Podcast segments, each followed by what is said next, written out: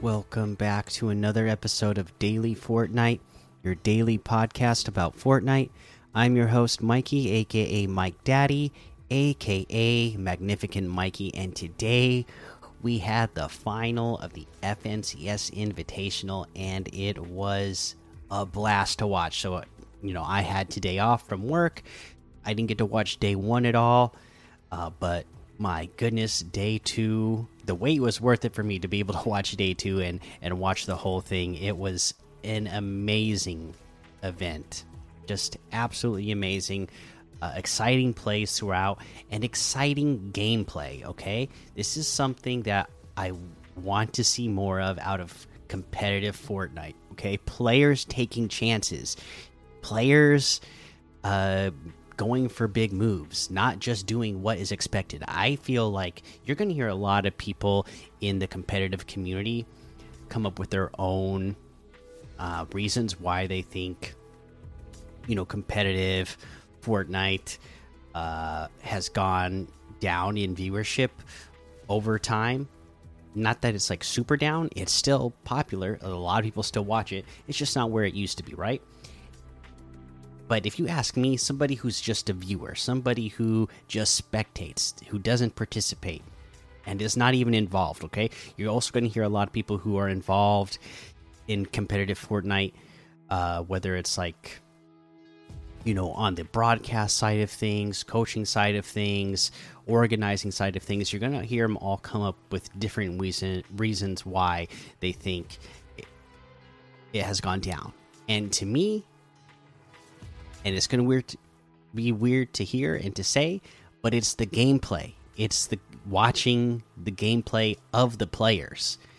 Um, you know, the competitive community has done a lot over the years to take some of the excitement out of Fortnite uh, to make it quote unquote more competitive, right? By uh, wanting uh, you know, more consistent loot pools, uh, more consistent um, uh, maps, you know, and those sound like, you know, yeah, those sound like nice things and things as a player uh, you might want, but as a, a viewer, a spectator, especially compared to what Fortnite first was and what the beginning of competitive Fortnite first was, it's nowhere near as exciting when everybody expects the same things to happen every single match. Um, because once once the competitive players, uh, you know, Fortnite started going towards more what competitive players wanted, the gameplay became a lot more predictable of what players were planning to do, what they were going to do, and the style that was going to be happening throughout a match. Um, you know, and, and that makes it just a little bit less exciting to watch. The fun of watching a battle royale game is the unpredictability of it. That's a big part of the fun of watching and playing Fortnite is the unpredictability. Uh, so I feel like this was fun to watch because you saw players, and we're gonna just skip straight to the the last match. Uh, you saw players doing things that are not expected. you know, uh, we saw uh, Cammy and Settings in the lead, Queasy and Vino right there with them. They're they're competing to get spot one and spot two. Right? Who's going to come in first? Who's going to come in second? They were they were pretty far ahead of everybody else, and I love the play that Queasy and Vino went for to try to solidify the win. In most competitive tournaments that we have watched in the past, you're going to see everybody just content to do what they do every match, let it play out, try to get to the end, and then knock off their opponents at the end of the match and hope that they've done enough throughout the last match to pass their opponents in the end game. No, what Queasy and Vino did was gutsy. It was uh, unpredictable. It was, you know, brilliant. It didn't work out for him, but I love the move, and it made me actually excited to be watching the match. Right. So if you don't know, you didn't watch, Cammy and Sedis, they have their drop spot. They're in the lead. Queasy Vino right behind them. They follow them to their drop spot. They go to their drop spot. You know, like we said, over the years, it has become a thing. Uh, competitive players, they have their drop spot.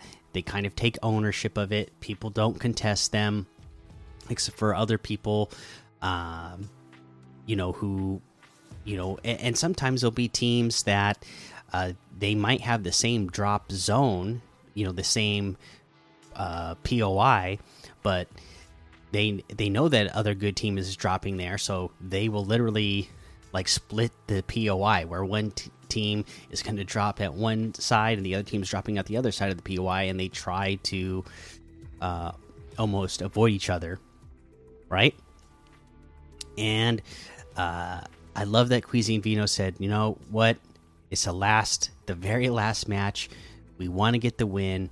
Let's drop on their spot with them, try to take them out at the beginning of the match. Because if that would have worked, that would have given them the lead. They would have been able to play out the rest of the match knowing, hey, we already took out uh, the first place team. We just have to make it, you know, just play well, get our placement points, get to the end, and that should be enough to carry us to get the win. Like I said, it didn't work out for Queasy and Vino, but it was just that it was an exciting, fun play to watch, right?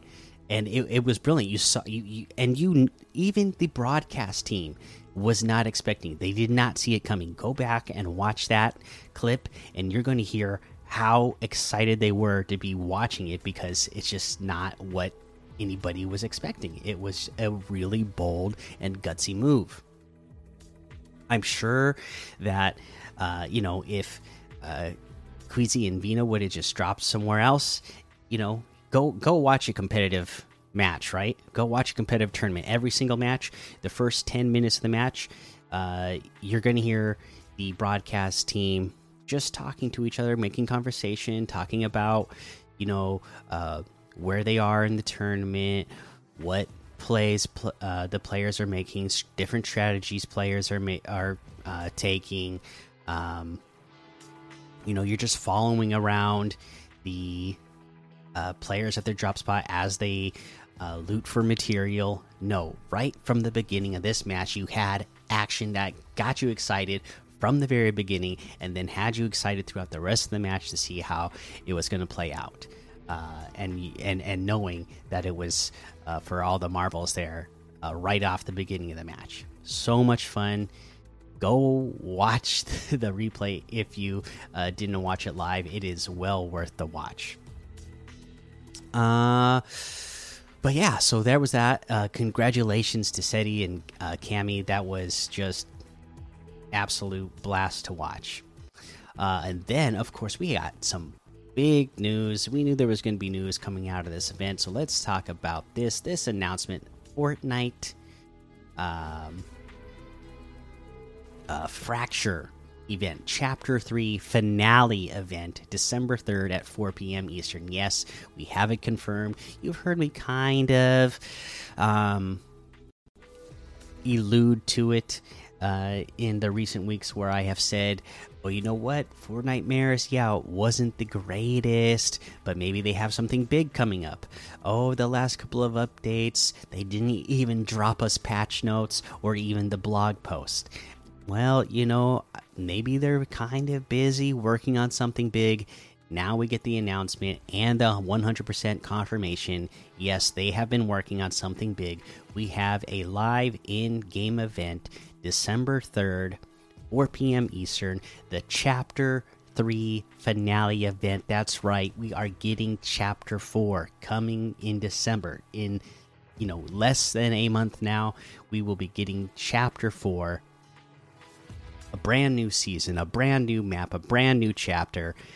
the fracture event. I am excited. I can't wait for this. This is always, you know, the, these things are always a fun uh, time to uh, be in game for, to even go back and watch if you're not able to make the the live event.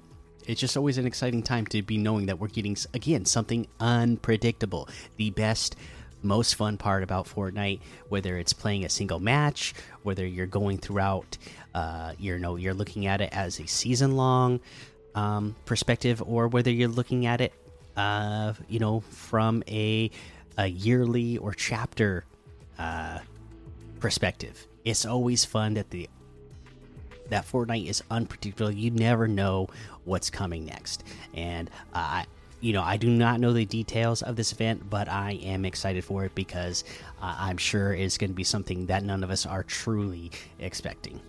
So there you go. There's that. That's the news for today. Let's go ahead and uh, we can look at some of these LTMs to play.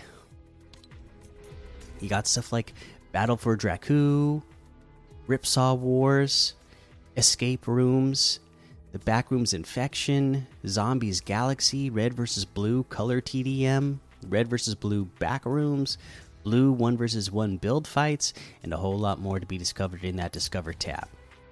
Let's go look at our weekly quests. We are in week 8. I got a whole bunch of quests I need to start doing before the end of this uh, season, this end of this chapter, in fact.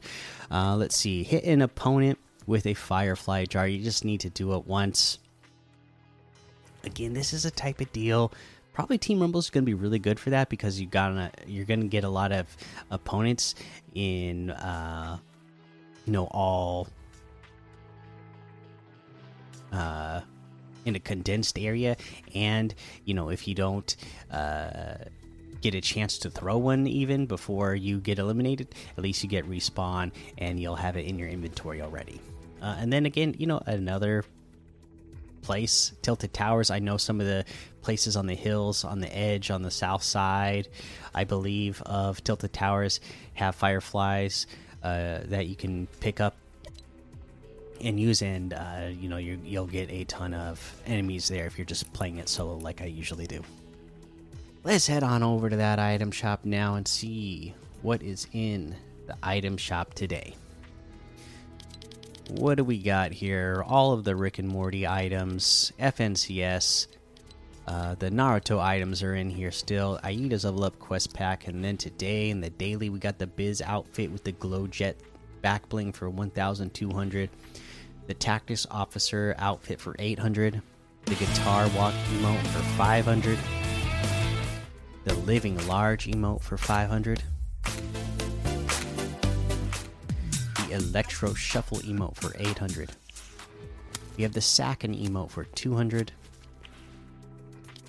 We got the Operation Black Tabby bundle. It's got the Panther outfit, Panther's Cross Fangs back bling, uh, Panther Tooth harvesting tool, Panther's Call wrap, and a banner for 1,600. That's 900 off the total. Uh, Panther outfit with the Panther's Cross Fangs back blings 1200.